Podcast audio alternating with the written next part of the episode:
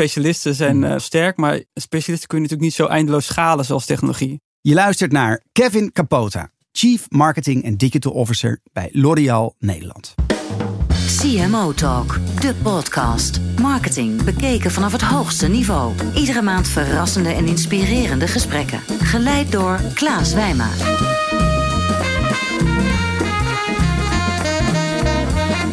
Vandaag is Kevin Capote te gast. Hij is Chief Marketing en Digital Officer bij L'Oréal in Nederland. Na zijn studie Industrial Design Engineering startte hij in 2008 als Product Manager bij L'Oréal. En hij zit er nog steeds. Via diverse rollen klom hij naar de top en is inmiddels zo'n 3,5 jaar niet alleen actief als Chief Marketing Officer, maar ook als Chief Digital Officer bij wereldleider in beauty producten L'Oréal. Kevin heeft in Nederland 34 cosmetica, haar- en huidverzorgingsmerken onder zijn hoede. Wereldwijd gebruiken vandaag de dag 1 miljard consumenten L'Oréal producten. Dat is echt gigantisch veel. En er is ook nog veel ambitie om dat veel groter te laten worden. Maar daarover straks meer. Merken als L'Oréal Paris tot Lancôme, Garnier, Vichy of Maybelline New York staan stevig in de markt. Maar de digitalisering vraagt echter ook om innovatie. En uh, L'Oréal die legt de lat heel erg hoog. De beautyproducent heeft zich doorontwikkeld tot een serviceorganisatie. Nou, daar gaan we het in deze podcast uitgebreid over hebben. Digital services. Hoe kun je digitale kansen optimaal benutten voor persoonlijke en kwalitatieve service? Kevin, super dat je er bent. Ja, leuk. Van harte welkom. Dankjewel. Jullie ambiëren een groei van uh, 1 miljard naar 2 miljard nieuwe klanten wereldwijd.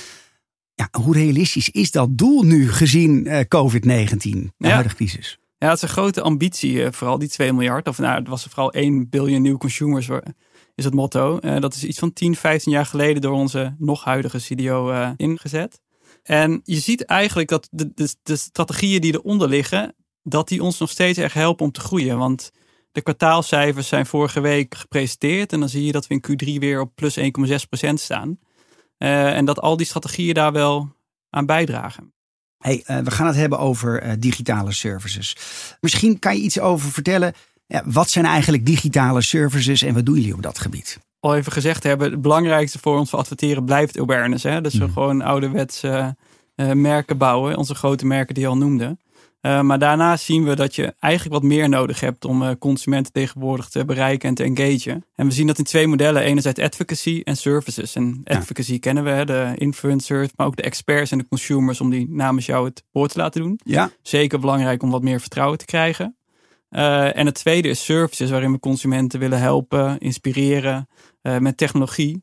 Uh, om de juiste keuze te maken en hoop, hopelijk uiteindelijk ook tevredener te zijn met de producten die ze kiezen. Die ze kiezen. En wat doen jullie dan concreet? Welke services bieden jullie dan aan? De hero services, zoals we dat noemen, zitten op virtual try-on en uh, skincare diagnostics. Virtual try-on? Nou ja, dat is, je, je kent het misschien wel van de filters van uh, Snapchat. De Daar, kleine oortjes. Ja, kleine oortjes, maar dat kun je dus ook met lippenstift doen. Ja.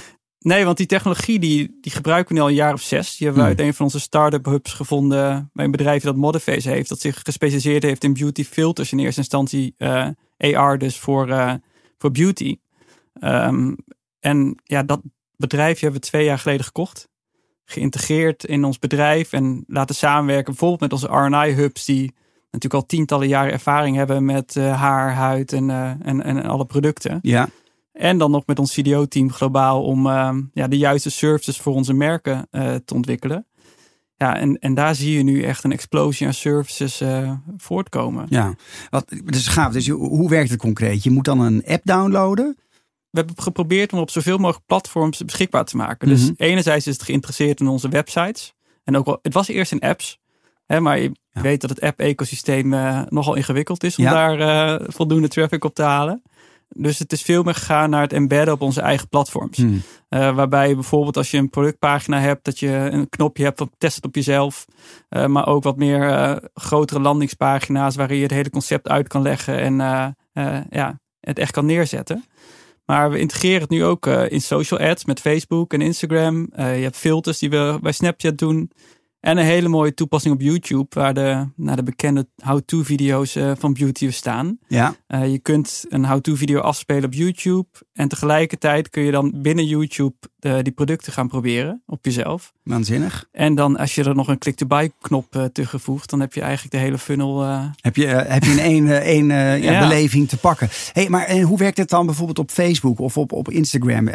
Het is nu nog voornamelijk organisch. We zoeken naar paid mogelijkheden om inderdaad met een groter bereik dat nog te krijgen. Maar ja, dan, dan is het inderdaad het idee. Probeer de look van, weet ik veel, Duitse nu zelf en klik binnen de ad kun je het dan gaan proberen en zien hoe het staat.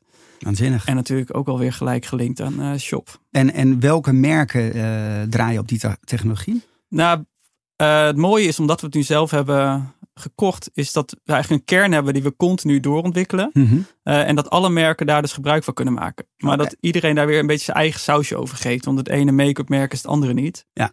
Volgens mij, Modern Face analyseert ook zelfs de diepte van je rimpels. Hè? Ja. En, en, kan daar ook echt een passend beauty advies uh, op geven. Ja, misschien wel uh, leuk om te vertellen hoe, hoe het algoritme werkt uh, van de skincare mm -hmm. diagnostiek. We hebben 10.000 foto's in het algoritme geladen van verschillende huidsoorten. Ja. En die zijn gerate door dermatologen. Waardoor die hebben gezegd, oké, bij deze foto zie je die rimpeldiepte, zie je die maat van donkere kringen, zo is de toestand van de poriën. Mm -hmm. En dat algoritme is op die manier getraind en dat wordt continu gevoed. Ja. En op die manier kun je dus een heel erg nauwkeurige analyse maken met een selfie. We hebben nu volgens mij 97 of 98 procent accuracy met het diagnosticeren van uh, die types. Zou je kunnen zeggen dat, dat de technologie AI al de kwaliteit van de mensen overtreft qua beautyadvies?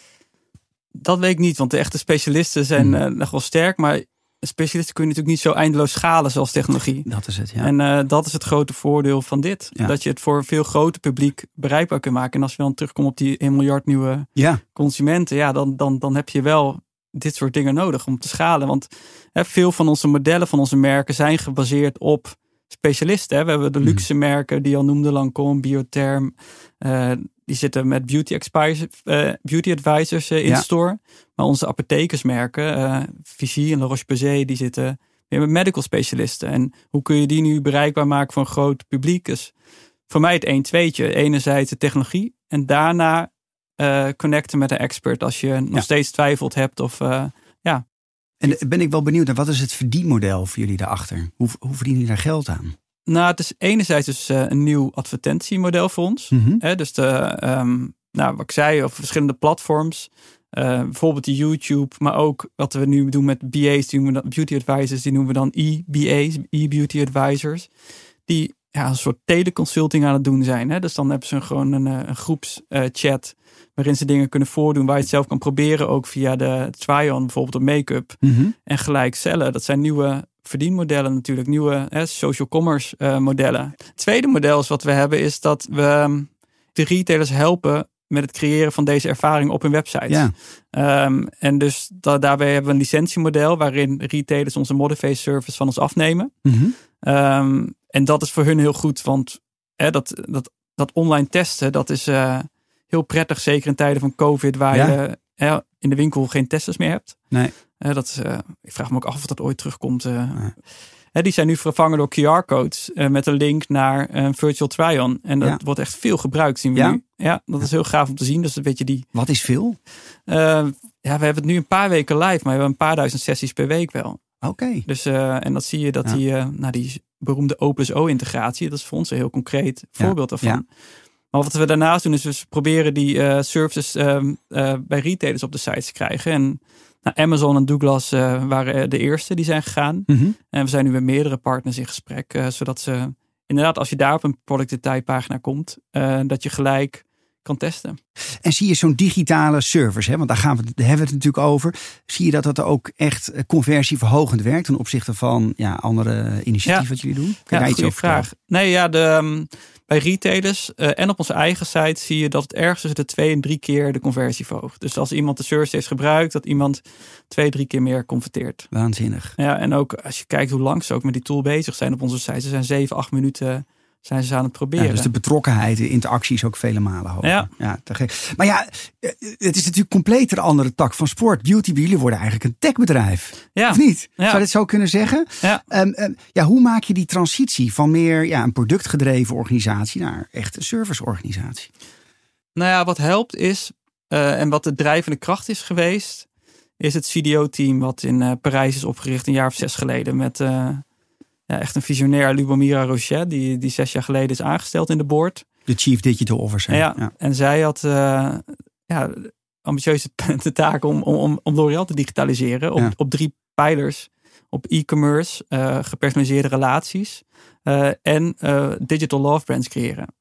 En nou, daar hebben we in die tijd echt grote stappen gemaakt. En dat was voor mij ook de trigger om te switchen van marketing naar digital. Dat was haar verhaal. Ja. dat ik dacht, oké, ik hoef geen marketingdirecteur te worden in zoals het pad toen nog was. Ja. Maar ik wil juist de digitale transformatie gaan uh, leiden hier in Nederland. En uh, nou, zij heeft grote stappen gemaakt. En eigenlijk is die strategie, toen die vijf jaar oud was vorig jaar, mm aangepast met een vierde pillar en dat is services. Okay. Nu even ja. apart benoemd om het uh, wat kracht bij te zetten. Ja, ja precies. Want als je zegt, nou, die e-commerce en het creëren van persoonlijke ervaringen, dat, ja, dat is eigenlijk al een service, toch? Ja, ja. maar toen, weet je, persoonlijke relatie betekende mm. toen zes jaar geleden programmatic advertising. En, en, uh, en, en nu is dat natuurlijk weer geswitcht. Nou, oké, hoe ga je van een cookieless world naar je first P-data? En, en, daar zijn services natuurlijk ook super waardevol voor. Kan je iets zeggen van wat het doet in termen van business, in een percentage van hoeveel van jullie omzet komt al uit dit soort digitale dienstverlening? Ja, um, ja e-commerce is nu uh, hier te Q3 weer uit die kwartaalcijfers, ja. uh, is het 24% van onze business geworden. 24 Wereldwijd dan. En uh, het groeit iets met 60, 61% of zo. Ja. En in Nederland, hoe doet Nederland het ten opzichte van... Uh, nou, zit het percentage iets lager. Iets lager. Maar we komen in de buurt, ja. Hoi luisteraar. Wist je dat je sinds kort kunt adverteren in CMO Talk? Ja, dat kan. Op de site kun je kiezen uit drie smaken. Ik spreek dan jouw advertentie in en je steunt de show. Wil je ook marketeers op het hoogste niveau bereiken? Al vanaf 1500 euro adverteer je in de best beluisterde marketingpodcast van Nederland. Kijk op cmotalk.nl en vraag de factsheet aan. Dat is cmotalk.nl. Ik wil je graag een eh, stelling voorleggen. Ja. Dat doen we altijd in CMO Talk. Hier komt de eerste stelling. Digitale dienstverlening is uiteindelijk altijd onpersoonlijker. Ja, ben ik wel eens. Ja? Ja, ik geloof wel heel erg echt in die kracht van uh, het menselijk contact. Wat voor mij de visie is, is dat ook, hè, als ik ook naar kijk naar consumer care, dat is voor mij ook een service. We hebben een groot consumer care team met allemaal experts die echt continu gebeld, gemaild en via Facebook uh, berichten antwoorden. Maar ja. dat op dat gebied de simpele vragen gaan naar chatbots op termijn natuurlijk. Ja. Uh, en hetzelfde geldt de eerste diagnostics van de skin of de eerste inspirerende try-ons van je looks. Ja, die kun je met technologie gaan aanbieden. Maar we willen eigenlijk altijd een follow-up aanbieden. Gewoon ieder platform wat er is, uh, willen we gewoon één op één advies kunnen blijven geven. Met onze consumer care team en die BA's die ik noemde, hè, de beauty advisors. Maar dat kan je toch ook automatiseren? Daar kan je toch ook AI achter stoppen? Beauty is zo persoonlijk. Uh, en best wel een emotionele categorie ook. Hè? Naast functioneel van oké, okay, ik wil dat mijn haar schoon is als ik er uh, shampoo gebruik. Is het ook heel erg emotioneel omdat het met, nou, met je looks te maken heeft. Ja. En dat schept toch ook daardoor best wel wat onzekerheid en twijfel. En ik geloof niet dat technologie die twijfel helemaal weg kan geven. Ja, het beschikbaar hebben van deze services is één ding. Maar uiteindelijk wil je natuurlijk dat ze ook gebruikt gaan worden. En, en ja, ik ben even benieuwd. Ja, jullie rollen het nu langzaam uit over Nederland. Kan je iets zeggen over, uh, over het gebruik van die service? Je noemde net een aantal duizenden sessies per week. Ja. Kan je er wat meer op inzoomen? Wat, wat gebeurt er dan precies? In die sessie specifiek? Ja. Of? Nou ja, je ziet eigenlijk verschillende paden dan gebeuren. Hè. Ze komen Hmm. binnen op die virtual trial en dan soms browsen ze dan voor meerdere producten en meer informatie. Want er zit ook wel wat uh, uh, editorial content nog achter. Ja. En sommigen gaan via een click-to-buy uh, op de website door naar een, een partner. dus dat zijn een beetje de twee paden die ik zie. Ja, en die meten jullie helemaal door, neem ik aan. Nee, die, uh, die datadelen, dat, dat ligt soms nog wat complexer. Okay. Maar ja. uh, ja. je, je, je, meet de erbij als een action. Ja. En meer weten we niet. Dus, nee. nee. nee, want ik kan me ook voorstellen dat het best wel consequenties heeft voor, voor de privacy. Hè? Dus dat moment dat je, je maakt natuurlijk, je gebruikt die tooling. Ja. Je maakt natuurlijk gezichtscans. Er komt natuurlijk een enorme, ja, er zit waarschijnlijk ook, wat je zegt, het algoritme wordt gevoed op basis van data. Dus ja. het wordt steeds slimmer. Maar geven consumenten ook expliciet toestemming dat die data gebruikt wordt? Of hoe, hoe gaan jullie om met die privacy daarvan? Zeker, nee, een hele terechte vraag. Dus nee, um, uh, we slaan niks op. Dus uh, die scan wordt gebruikt op het moment hè, om een diagnose te geven en die wordt daarna gelijk ook gewist. Oké. Dus uh, die foto's gebruiken we ook niet. Dus als we echt de algoritme voeden, dat wordt echt gedaan buiten de, het nou, consumentengebruik. Uh, dus dat, dat, dat gebeurt niet in die setting. Dus dat, uh, nee. Kijk, wat, wat we op een gegeven moment naartoe gaan, is natuurlijk logins op onze websites. En dan moeten we expliciet toestemming vragen: mogen we deze testresultaten toevoegen aan je profiel? Maar dat is eigenlijk de volgende stap. Ja, even toch over de verschillende generaties en het gebruik van die services. Hè? Want als je kijkt naar, bijvoorbeeld generatie Z, hè, geboren tussen 1995 en uh, 2010.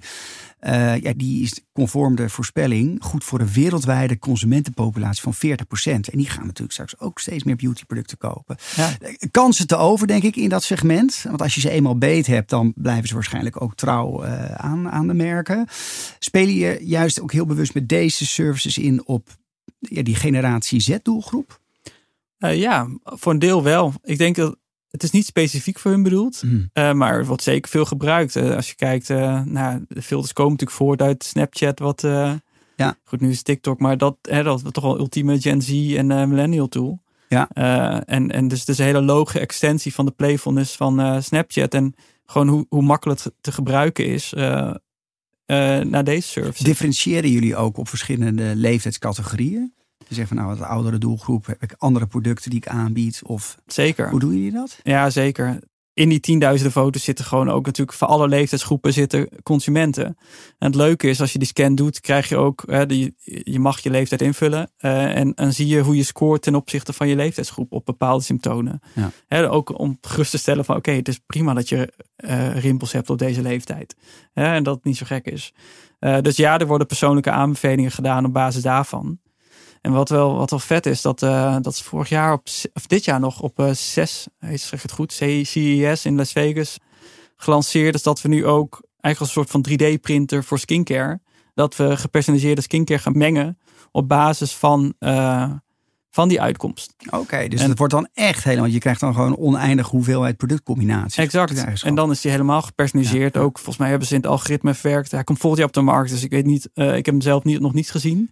Maar uh, bijvoorbeeld het klimaat, van uh, als je in een vochtig klimaat woont, heb je misschien ook weer een ander product nodig dan als je. Ongelooflijk. Ja. ja.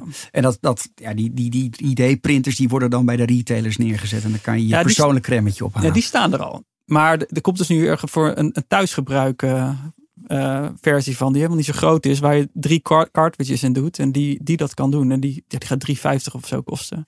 Dus het wordt steeds toegankelijker oh. gemaakt. Ik wil jou graag een aantal uh, dilemma's voorleggen. En je mag, uh, of je moet er steeds één van de twee kiezen en na afloop mag je er één toelichten. Komt-ie. Service of experience? ik denk toch experience. Onderbuikgevoel of data gedreven? Data gedreven. Mainstream media of influencers? Ja, influencers als je de goede te pakken hebt. Oké, interessant. Ja. Uh, awareness of activatie? Awareness. One to many of one to one? One to many. AI of AR? Nu nog AR. Welke wil je toelichten? Uh, ja, welke zou ik willen toelichten? Nou, er, weet je, overkoepelend was het, uh, het verschil tussen one-to-one -one en one-to-many. En toch in de essentie geloof ik dat je, als je echt sterke merken wil bouwen, heb je vooral awareness nodig. En moet je gewoon blijven knallen. En uh, zoveel mogelijk mensen bereiken. we zijn een groot merk, we hebben een grote share of voice en die moeten gewoon vasthouden. Ja. En uh, daarin vermengd komen die services, komen de ervaringen uh, om ja, mensen echt bij ons te houden. En om te proberen, als het bestaat überhaupt, loyalty te creëren. Maar we moeten gewoon grote massa's bereiken. Abonneer je op cmotalk.nl en ontvang elke maand de nieuwste gesprekken in je mailbox. We gaan meteen door naar de tweede stelling, eh, Kevin. Technologie zet de beautybranche volledig op zijn kop. Ja, denk het wel. Vertel. Ja, ik denk het wel. Dat ja, de verwachtingen toch uh, omhoog gaan. He, dat, um, um, qua personalisatie vooral. En uh, qua, qua, qua gemak en experience. Zeker, kijk, als je nu ziet, wat is nu het voordeel echt van beauty offline kopen? Is inderdaad dat je die experts hebt uh, bij, een, uh, bij een Douglas of bij een Corv. En je hebt al die testers. En je kunt proberen, je kunt ruiken aan uh, de geuren, hè, de, ja. de fragrances. Maar tegelijkertijd zie je dat hè, die 24% e-commerce, dat daar ja, een steeds groter deel van de omzet plaats gaat vinden. Ja. Hoe ga je die ervaring van de offline beautywereld online vertalen? Ja. En daar heb je technologie, want een plaatje alleen is niet genoeg. Want je weet niet hoe een plaatje ruikt of hoe een plaatje voelt of hoe het uh, de plaatje bij jou uit gaat zien. Gaat dat er komen? Ik weet dat er best wel veel startups mee bezig zijn. We zitten in een paar van die beauty uh, tech startup hubs. Ja. Als dat het goede woord is. Maar uh, en daar, daar, daar zitten een paar bedrijven inderdaad tussen waar we mee, die we aan het mentoren zijn. die juist met dat soort oplossingen samen ja, zijn. En het is nu gewoon heel erg in de experimentele fase. En dan leveren we onze kennis om te zien van oké, wat, wat kunnen we ervan maken. Uh, en wie weet, als dat wat wordt, uh, dat je daarmee gaat partneren of uh, meer. Ja, waanzinnig. Ja. ja. In, in, die, in die skincare dan, hè, um, er zijn ook ontzettend veel ontwikkelingen. Als je met name kijkt ook het, het hele segment van nou ja, vanuit duurzaamheid, vegan oplossingen, ja. nou, ongeparfumeerd, not animal tested. Hoe doen jullie het op dat gebied? Wat, hoe gaan jullie om met die trends? Ja, dat, daar zijn al onze merken wel mee bezig. Sommige meer dan andere, afhankelijk van de positionering natuurlijk. Hè. Zoals een, een, merk als Garnier, wat voor een natuurlijk Garnier uh, ja. heet. Ja, die heeft een hele lijn gelanceerd vorig jaar, Garnier Bio. Mm -hmm. Wat precies dat allemaal wat je zegt uh, met zich meebrengt. En, en zo zijn er steeds meer initiatieven mm -hmm. uh, om dat te bewerkstelligen. En daarnaast zie je in de packaging dat het allemaal van recycled plastic aan het worden is. Ja. dus ja, op heel veel gebieden investeren we in duurzaamheid. En hoe vind je dat jullie het doen op dat gebied? Ja, goed. Het, uh, we zijn ook best wel veel voor uh, beloond. Met name als je kijkt um, in onze productietechnieken, uh, CO2-neutraal, clean water management, daar worden we, ja, dat, daar communiceren we niet zoveel over helaas Hmm. in Nederland, maar daar worden we jaar op jaar echt in de top gereed. Je bent dan Chief Marketing Officer en Chief Digital Officer. Dat is trouwens ook best wel interessant. Daar gaan we het straks nog even over hebben, die Ja. combinatie. Maar um, ja, je bent wel in dienst voor een, een, een enorme grote uh, ja, Franse multinational. Ja. In hoeverre heb jij binnen jouw rol bewegingsruimte om de dingen te doen hoe jij ze, zeg maar, uh, de lijnen uit te zetten hoe jij ze wil? Eigenlijk uh, meer dan je zou denken. Echt waar? Ja, echt waar. Nee, het, is, het, en het komt echt op de origin story van L'Oréal. Hè, dat de man die L'Oréal heeft gesticht was een, een, een, een, uitvinder en een ondernemer. Dus hij Mhm. heeft de eerste haarkleur ooit bedacht. Iets van 110 jaar geleden of zo. Uh, en die heeft hem ook zelf verkocht in zijn winkeltje in Parijs. En die spirit van ondernemerschap en innovatie, die zit zo erg in die cultuur verworteld. Uh, naast het Franse, beetje meer organische uh, bedrijfsvoeren, wat betekent dat je minder vastomlijnde processen en hokjes hebt. Ja. En dat geeft juist heel veel vrijheid om je eigen plannen te gaan initiëren en te, en, en te stand brengen. He, als je kijkt naar mijn baan, uh, ik heb mijn laatste drie banen zelf helemaal gecreëerd mm. en vormgegeven. En dat ben ik nog steeds aan het doen, want ik verander hem ieder half jaar weer. Hoe en doe je dat dan? Nou, dan kijken we met het team van, hè, want ik, ik, we zitten, het is echt een transformatiebaan. Dus we kijken van, oké, okay, waar staat de organisatie nu? Wat hebben ze nodig van ons team, hè, van een team van specialisten? Oké, okay, dan gaan we daar nu op focussen. Maar een half jaar later heeft het bedrijf, heeft, hebben de teams al heel veel in de business weer overgenomen gedrag en, en nieuwe skills geleerd. Waardoor we weer kunnen gaan herijken van oké, okay, maar wat is nu de volgende stap? En wat moeten we dan gaan doen? En welke specialisten hebben we daarvoor nodig? Ja. Kan je me eens meenemen in, want je bent nu drieënhalf jaar ben je actief in deze rol. Wat is nou het wapenfeit in die afgelopen drieënhalf jaar uh, wat je hebt geïnitieerd uh, vanuit Nederland, waar je echt trots op bent? Mijn grootste trots is uh, dat marketing digitaal heeft omarmd. He, dus dat, uh, daar ben ik vijf jaar geleden, toen ik echt op de digital boot ben gestapt, uh, was dat wel mijn paradepaardje van uh, je hebt geen offline marketeers en online marketeers. Je moet het allebei zijn, anders ben je compleet overbodig in de marketingwereld, als je Ja. dat niet kan. Ja. Dus we hebben he, met ons team van specialisten heb ik gebouwd en daar zijn we vol op upskilling en coaching gaan zitten. En ook gaandeweg, dat bedoel ik met die half jaar herijken, verantwoordelijkheden overgedragen naar de marketingteams weg van ons. Hm. En uh, dat de marketingorganisatie nu zo digital savvy en, en handig is en daar ook gewoon strategisch over kan meepraten, dat, dat is voor mij de allergrootste trots. Ja, gaaf. Je, je bent eh, naast Chief Digital Officer, want we hebben het nu heel erg over hè, digitalisering, digitale services, ook uh, CMO. En dat Ja. is interessant, want die combinatie zie je niet vaak in één functie. Vertel. Ja, officieel ben ik CMO, maar ik vind mezelf met alles wat ik doe ook wel behoorlijk CDO. Ben je niet meer CDO? Van oorsprong ben ik wel begonnen als CDO. Zo is mijn rol wel begonnen. Uh, maar waar ik dit jaar veel meer naartoe ben gegaan, is om juist uh, uh, de marketeers, op de marketingleiders op strategisch niveau uh, proberen te helpen. En ook de general managers. Um, dus om te kijken van ja, wat zijn je doelstellingen van je merk? Om dat scherp te zetten. Welke middelen horen daarbij? Mm -hmm. uh, hoe ga je budgeting doen? Meer naar zero-based. Um, dus um, ja, eigenlijk ben ik veel meer aan het toeontwikkelen om uh, meer impact te hebben in die merken zelf. Je noemt zero-based budgeting. Neem, neem me even mee. Nou, wat, wat je ziet, um, en waarschijnlijk zullen meer marketeers zich daar wel in herkennen, dat we gewoon je budget voor volgend jaar maken op basis van je vorige spendings en er dan misschien plus of, plus of min 5% bij doet. Hmm. In plaats van echt serieuze keuzes maken van oké, wat zijn nu de touchpoints die het meeste impact hebben om uh, mijn merk te laten groeien. En laten we eerst eens zorgen dat we daar alles in investeren wat we moeten investeren. En dan zien we wel wat uh, met de rest. Maar dan, het gaat om keuzes maken. Zeker nu in een, toch een crisis waar je uh, ook wel weer moet kutten. Ja. Van uh, ja, prioriseren. En daar, daar hamer ik veel op. Ja. Op heldere objectives zetten en zorgen dat je de keuzes maakt, de investeringen de keuzes maakt die erbij horen. Ja, wat, wat is de rol voor digitale platformen die je, die je ziet in die nou, verdere uitrol qua, qua e-commerce? Um, nou, wat wel heel interessant is, dat, dat hele social commerce uh, verhaal. Hè? Dat, -hmm. uh, dat, dat je ziet dat, dat met name Facebook heeft een hele sterke positie uh, als het gaat om conversies genereren. en nou, dan heb je de, de collab ads, heb je, waarbij je dus je, je eigen ad doet, maar onder de click-to-buy al doet naar een, een partner. Um, maar ja, ook straks wat ik net zei, hè? dus dat je vanuit een Motivate Try-on ook een klik gaat doen. En in de US heb je bij Instagram natuurlijk al dat je binnen het platform zelf kan shoppen. Ja. Hè, dat je niet eens meer weg hoeft. Dat is voor mij de grote ontwikkeling van de social platforms. Ja. En uh, ook voor ons. Dus enerzijds awareness, maar zeker ook dieper de funnel in nu. Zijn jullie er heel afhankelijk van, van die, uh, de digitale platformen? Ja, je ziet wel dat een groot deel van de spends digitaal daarheen gaat. Ja, ja. ja. Ik wil afsluitend een aantal persoonlijke vragen stellen. Um, ja, je hebt zoveel uh, merken onder je hoede. Hoe, hoe, hou je het overzicht? En hoe blijf je betrokken? Ik probeer top level uh, op bepaalde momenten uh, in te springen. Maar ook niet Ja. bij allemaal. Dus ik Ja. maak ook keuzes. Ik, Ja. ik, eh, heb wat, wat, ja, net zoals bij ieder bedrijf. Er zijn een paar merken die echt het verschil maken. Daar probeer ik me Op te focussen. ja, op te focussen. Iets meer op daar te adviseren.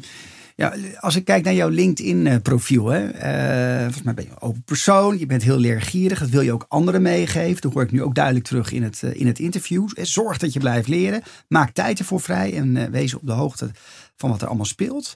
Eh, ja, vaak is tijd of gebrek daaraan eh, ja, een grote, grote bottleneck. Hoe, hoe zorg dat jij jezelf blijft ontwikkelen?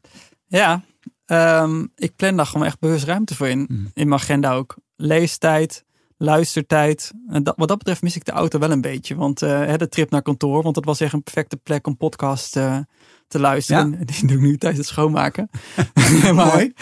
maar- Maakt de CMO en CEO van L'Oréal Nederland, maakt hij nog zelfs zijn huis schoon? ja, ja, ja. Een een hele gewone jongen geworden. Heel erg gewoon down to earth. Mooi. Nee, maar ehm, nou, en, en wat ik doe, ehm, wat voor mij vooral heel erg belangrijk is, is tijd maken om te denken. Mhm. En ehm, wat zeker nu thuis, je wordt echt opgeslorpt door, door alle, alle teams calls. Eh, Ja. Dus ik plan echt bewust tijd in, bijvoorbeeld om een uur te wandelen. Eh, gewoon op mijn onder werktijd. Eh, waarbij ik dan eerste half uur voordat ik ga wandelen als een soort spons alle informatie opslurp. Even een rough outline, eh, outline sketch in eh, bijvoorbeeld Notes. Dat vind ik zo'n fijn programmaatje. En dan tijdens het wandelen denk ik eigenlijk het hele concept uit. Of de oplossing, of bereid ik deze podcast voor. Die heb ik ook tijdens het wandelen voorbereid. En dan, eh, ja, als ik thuis kom, schrijf ik het op en dan is het klaar. En eh, dat werkt voor mij echt als een Als ja. Maar gewoon denktijd plannen, Ja. dat is echt eh, voor mij heel belangrijk. Kan je scoop met ons delen? Ja, wel een leuke. Ehm, een Netflix scoop. Dus ehm, ik, ik vertelde net al dat ja, we best wel toonaangevend zijn op sustainability. Ja. En er is sinds dit weekend een nieuwe documentaire op Netflix. En dat heet Brave Blue World. Mhm. Waarin eh, een paar celebrities met Damon en zo zitten er ook in. Ze verschillende faciliteiten zoeken, bezoeken waar clean water wordt gebruikt. Dus eh, een van onze fabrieken in eh, Mexico die heeft een technologie ontwikkeld om al het water in het productieproces te recyclen en reusen. En die technologie wordt in steeds meer fabrieken uitgerold. Ik heb hem zelf niet eens kunnen zien. Oké, Maar ja, dat is leuk. En hoe heet, ding. hoe heet eh, de, de docu? Brave Blue World. Brave Blue World. Nou, we zetten hem in de show notes. Tot slot, want we, we, de tijd vliegt. Stel, je bent een merk uit je portfolio. Welk merk ben jij en waarom? Ah, oh, dat is een leuke. Ja, mijn lievelingsmerk is Elnet, maar daar wil ik mezelf niet mee vergelijken. Dat, dat, dat, dat- je kent Elnet, die gouden, die gouden fles haarlak? Oh, ja, ja, ja. ja. Dat was mijn eerste merk Ja. eh, wat ik gedaan heb. Maar dat is al 50 jaar dezelfde formule. Dat is gewoon de perfecte formule. En dat is de blauwe pot van Nivea. Ja, En dat, eh, daar, daar, daar zweren vrouwen hele generaties bij. Dus dat is mijn lievelingsmerk. Ehm, maar waar ik me mee identificeer. Ja, ik vind eh, toch dan ons vlagschipmerk L'Oréal Paris. De, de worth it eh, filosofie. Dat is wel een goede levensles geweest de afgelopen 10, 15 jaar. Dat, die, die boodschap vind ik heel erg fijn. Hm. En, eh, en dat zie ik ook bij de mensen om me heen. Ik hoop dat ze dat ook zelf beseffen. Dus die boodschap van Worth It, die vind ik eh, eigenlijk het sterkste van al onze merken. En die spreekt me daarom eigenlijk ook wel het meest aan. En daarna, daarnaast de veelzijdigheid van merk L'Oréal Paris. Als je kijkt gewoon wat er allemaal onderhangt aan Maar submerken. waarom spreek je dat aan, dat worth it? Daar zit een verhaal achter. Ja, dat, dat is wel een gevecht geweest. Ja? Ja, van ehm, eigenwaarde en jezelf goed genoeg vinden. Hm. Nou ja, ik zei het je net al, die intro vind ik al ongemakkelijk. Van wat je dan zegt van oké, eh, verantwoordelijk voor 34 merken. En dan, dan wil ik gelijk de site dan zeggen, nee dat ben ik niet. Dat zijn de marketingdirecteuren in de divisies. Ja.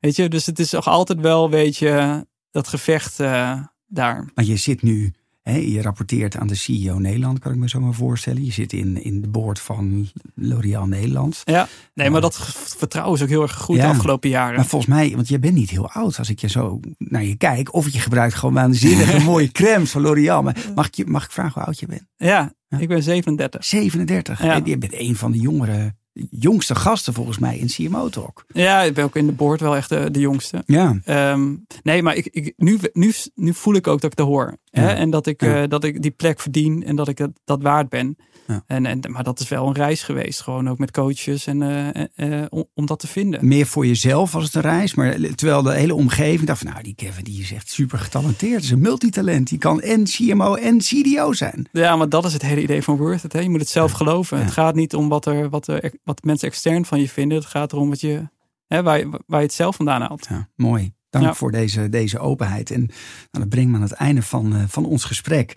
Ehm, nou, dank voor het luisteren naar deze aflevering van, van CMO Talk met Kevin Capote van L'Oréal Nederland over digitale services. Nou, wil je nou geen aflevering eh, van CMO Talk missen? Dat kan eh, uiteraard heel eenvoudig door je aan te melden op cmotalk.nl voor de maandelijkse nieuwsbrief. Want wij hebben ook een scoop. Wij komen met een compleet nieuwe site. Die ziet er echt waanzinnig uit. Ben ik heel trots op. We hebben met het team heel hard aan gewerkt. En over innovatie gesproken. Jawel, wij zijn nu ook te beluisteren via Google Assistant. Als je namelijk, hey Google, speel de playlist Energize CMO Talk af op Spotify. Dan kan je zo maar 30 uur luisteren naar alle CMO's die wij in het verleden hier in de studio hebben gehad bij Voicebooking. Nou, de volgende eh, CMO Talk ga ik in gesprek met David Letten. Hij komt er eindelijk aan. De marketingdirecteur van Heineken Nederland. En dat gaat over merkactivatie. Tot de volgende keer. Dit was CMO Talk. Bedankt voor het luisteren. Ben je geïnspireerd? Laat dan een review achter. We zijn niet alleen benieuwd naar jouw mening, maar je helpt andere luisteraars om deze podcast ook te vinden. De CMO Talk podcast is ontwikkeld en geregisseerd door Energize. Audio, mixing en mastering door Voicebooking. CMO Talk is mede mogelijk gemaakt door onze gewaardeerde partners Adobe, Microsoft, Facebook en Accenture Interactive.